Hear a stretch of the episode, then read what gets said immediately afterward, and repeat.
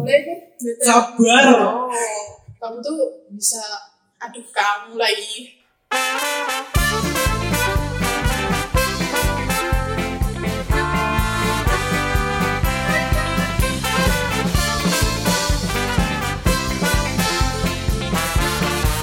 Mau ikut lagi dulu lu? boleh nih btw gue kenalin sekarang gue ngajak temen gue biar main dikit Siapa sih? Bentar bentar gue panggilin di di abi Oi. What happened? Nggak bapak lu sekarang ya? bukan PA kenalin nih temen gue Abi temen SMA sekarang kenalin di siapa kenalin di siapa Eh, halo, kenalin. Nama gue Aldi, main biasa gitu Aldi. Gue teman SMA Sakina, kita satu SMA, tiga tahun sekelas ya Sak. iya bapak gue nih Eh, gue sekarang kuliah di Jogja, di UGM. Wih, Hukum. Serem serem. Apa lagi nggak? Ada yang kurang nggak? Tinggal di Klaten, UGM. Bapak banget sih Nggak, gue nggak Jawab betul pokoknya ya. Oke. bisa. Ya nih, mau bahas apa nih? Terus apa nih? Berhubung ada temen nih. Udah datang jauh-jauh nih. eh eh kalian tahu gak sih eh, sistem donasi PBDB 2020 ini Kenapa tuh? Tahu Nggak sekarang. tahu itu yang booming sekarang gara-gara lebih apa ya dinilainya tuh dari umurnya Maksudnya? jadi tuh penyaringan sobat itu berdasarkan umur jadi yang lebih tua yang ditamain kayak nenek tuh kemarin gue baca juga sekitar Jadi 15 mereka- tahun lebih berapa bulan gitu sih. Cuman nggak nggak sampai di atas 20 untuk SMA ya. Kalau untuk SMP tuh pokoknya yang SMA tuh 15 sampai 20 tahun. Mereka yang diutamain tuh malah yang lebih tua. Eh, jadi yang lebih tua-tua tuh kebanyakan diutamain masuk SMA negeri gitu. Yang selanjutnya nggak tahu sih. kalau swasta donasi gak sih enggak Gimana? swasta Kalau swasta sih kayaknya nggak ada deh. Terus pendapat lo semua gimana? Kalau gue sih di pihak kontra sih karena kayak usia ideal kalau misalnya SMA ya. SMA kan usia ideal buat masuk eh, SMA itu kan bisa 15 tahun. Harusnya usia-usia ideal itu lebih diutamakan nggak sih daripada yang lebih tua? Karena udah udah apa ya istilahnya?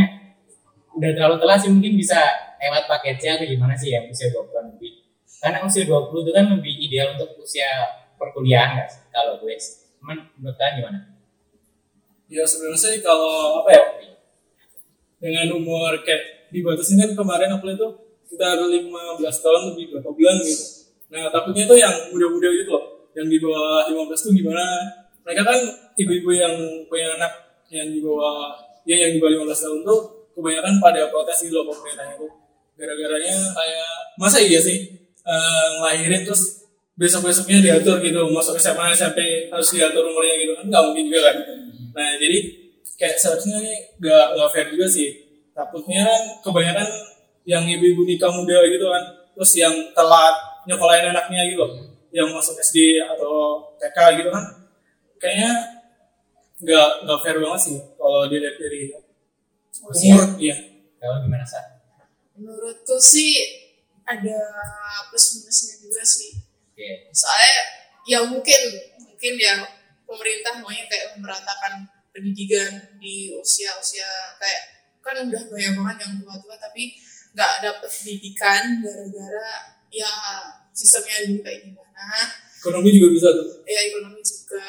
Terus dengan itu terus pemerintah masukin umur.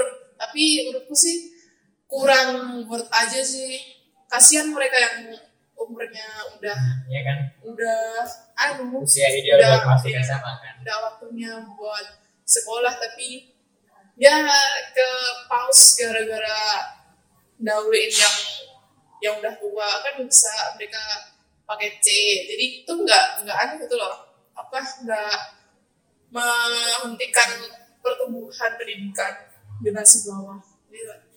Kalau gue juga begini sih, nah, karena kan dari segi populasi ya, eh, perbandingan antara yang yang usia usia yang udah telat sama usia yang memang usia ideal masuk SMA tuh lebih banyak populasi mereka yang yang gitu nggak sih yang usia rata-rata masuk SMA jadi kayak sayang aja gitu loh. Uh, mengorbankan segitu banyaknya orang demi beberapa orang yang telat usianya gitu. Kalau dibandingin sama kita dulu gimana sih? Menurut gue lebih fair yang zaman kita sih karena benar-benar apa ya kayak lu mau fight masuk ke SMA A atau B atau X atau Y itu benar-benar lu harus ada effort dulu gitu loh. Jadi nggak nggak segampang itu lo pengen masuk ke suatu sekolah dengan apa ya dengan pertimbangan lu lebih tua atau lokasi tempat tinggal lu lebih dekat itu kayak nggak gimana ya. Apalagi orang dalam ya. Kalau misalnya ya, kalau dari mereka-mereka yang kayak mendapat keuntungan lewat sistem zonasi, Hmm. nah mereka tuh malah kebanyakan tuh eh, ada yang seneng, ada yang enggak juga. Jadi mereka yang rumahnya dekat-dekat, terus mereka mau masuk SMA atau SMK favorit yang mereka inginkan gitu kan. Nah mereka tuh kayak wah bersyukur banget gini-gini. Terus menurut lo tuh gimana? Seandainya ini ya, eh, universitas ngelakuin sistem kayak gitu tuh gimana? nggak mungkin lah kalau universitas menurutku kalau dengan dengan diterapkan sistem kayak gitu Kurang sedikit nggak make sense sih karena universitas kan levelnya udah nasional nggak sih? Namanya PTN kan. Udah levelnya tuh udah udah nggak sebatas satu Kota. doang gitu loh. Jadi kayak kalau kita lihat dari persebaran pendidikan kan nggak mungkin juga kan.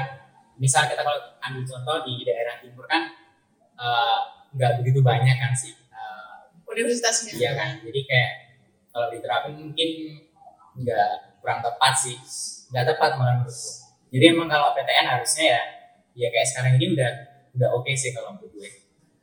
kalau masalah sekolah ya biasa SD sampai SMA menurutku zonasi tempat tuh juga bisa aja sih soalnya mengurangi kendaraan kayak gitu jadi kan ngurangin macet polusi dan saya cuman negatifnya tuh eh, pendidikannya tuh nggak merata ya kayak orang yang pengen ilmunya lebih banyak kayak ngejar sekolah favorit itu jadi susah Tapi pula kalau di tiap kota kan nggak tiap sekolah kan. itu kan punya fasilitas yang lengkap gak sih? Kecuali kalau emang tiap sekolah emang udah punya fasilitas yang lengkap gitu kan. Jadi Swasta kan banyak.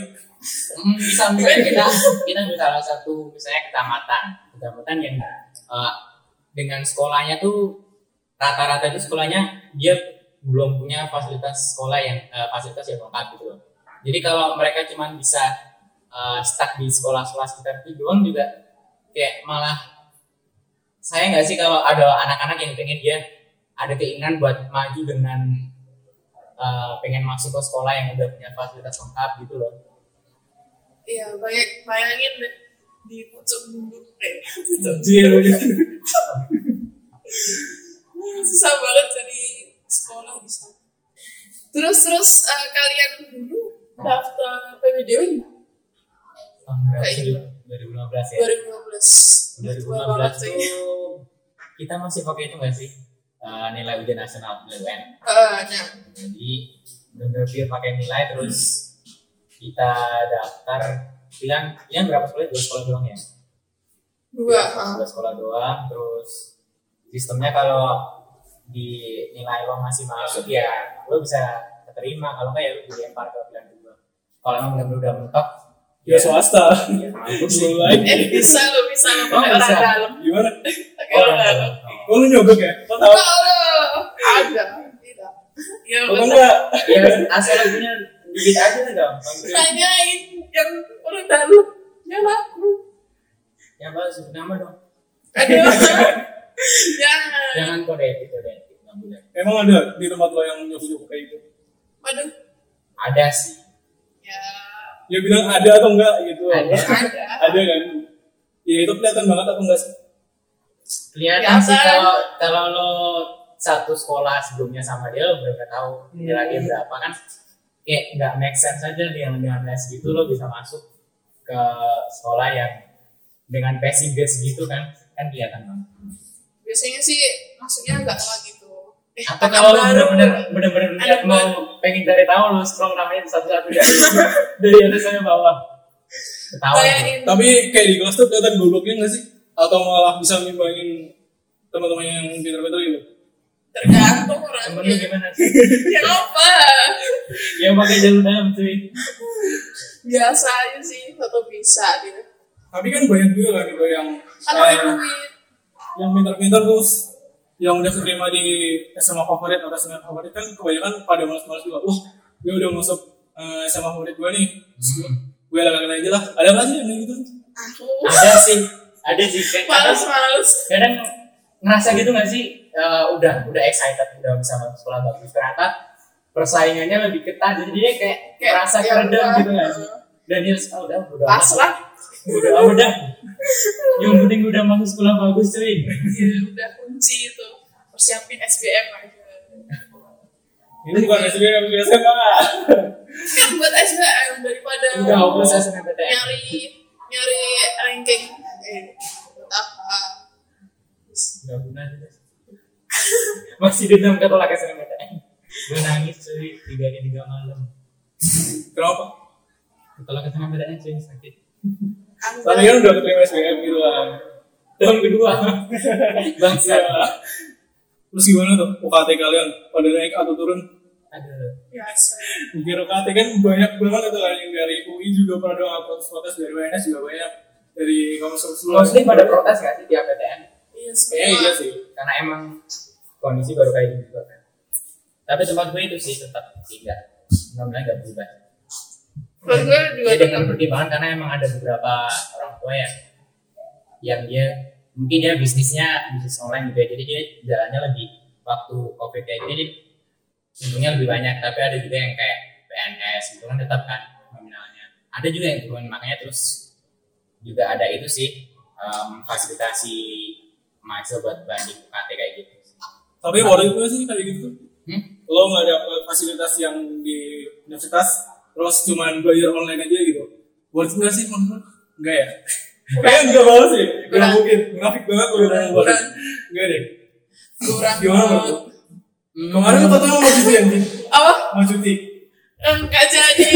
Ya mas ya kali cuti. Sebenarnya sih terbesit pikiran seperti itu. Soalnya kan buat bayar UKT itu loh pertimbangan lo apa? Lo pengen ambil cuti Ah, Seandainya- soalnya enggak enggak worth juga aku belajar di rumah online gitu. Nggak masuk itu kayak itu kayak dikasih tugas tugas tugas tugas tugas. Jadi tuh kayak dosen tuh buat apa?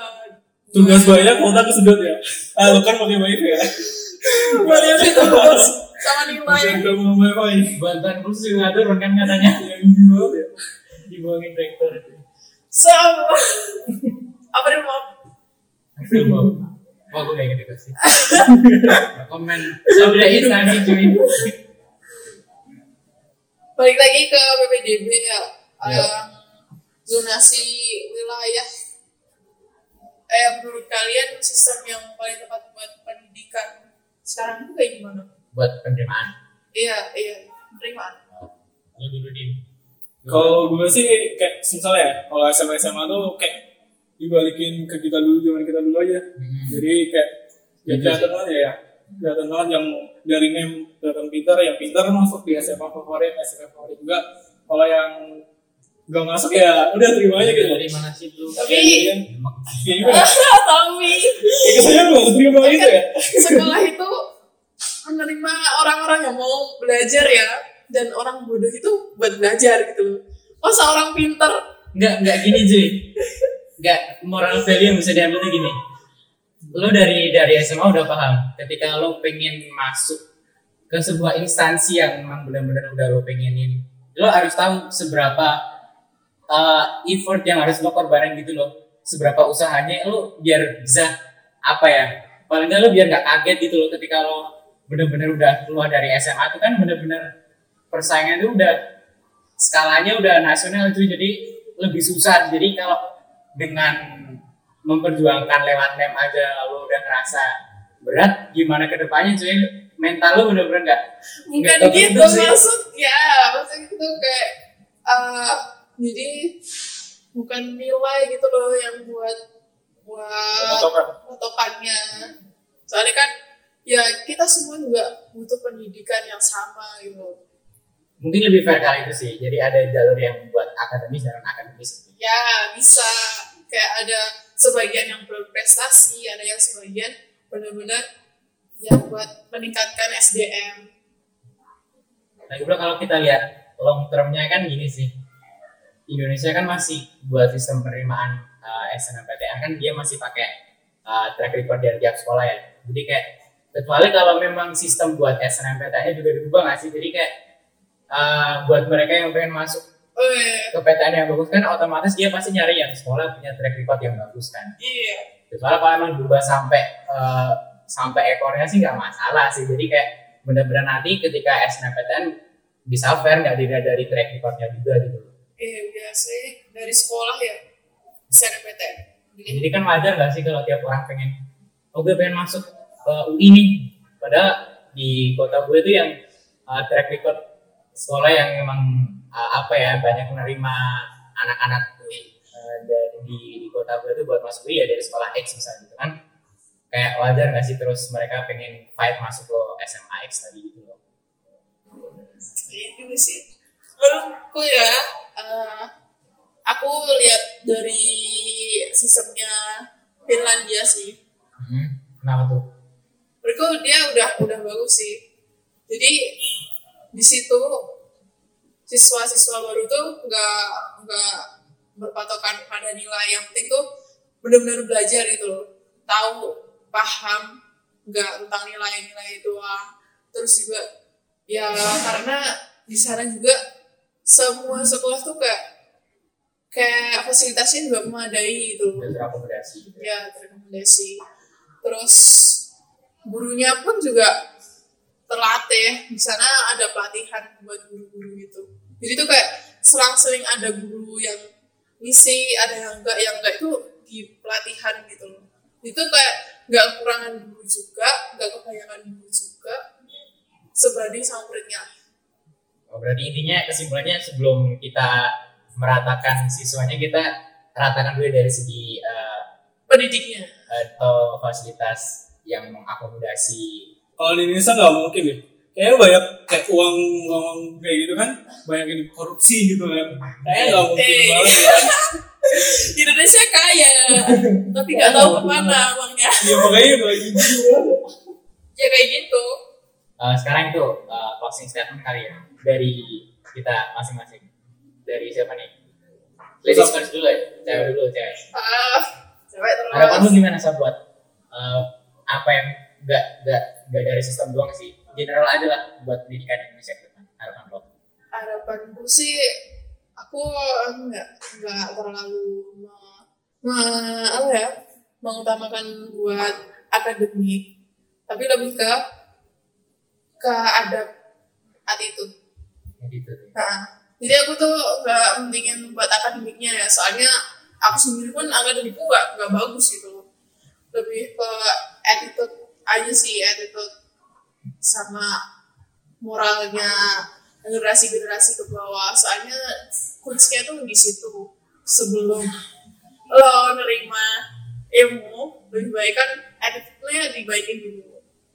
kalau gue sih bener kata lo tadi yang kayak di Selandia Baru yang kayak dibenahin dulu dari segi fasilitas yang nggak dikorupsi lagi pokoknya nggak ada korupsi korupsi Iya. dari situ dari situ dulu dibenahin dari apa ya sistem kejujuran pemerintah itu loh. Ya kan? seandainya tuh kalau pemerintahnya jujur gitu loh eh, ngebantu setiap sekolah-sekolah yang belum tercukupi atau belum fasilitasnya masih kurang-kurang itu dibantu. Jadi kayak kita tuh nggak usah nerapin kayak sistem-sistem akademik kayak tadi gitu loh. jadi Kepribadiannya. eh, jadi kita mau milih sekolah di sana sana sana dekat dekat rumah kita tuh kayak eh, sekolah itu sama gitu. Meski ada perbedaannya sedikit.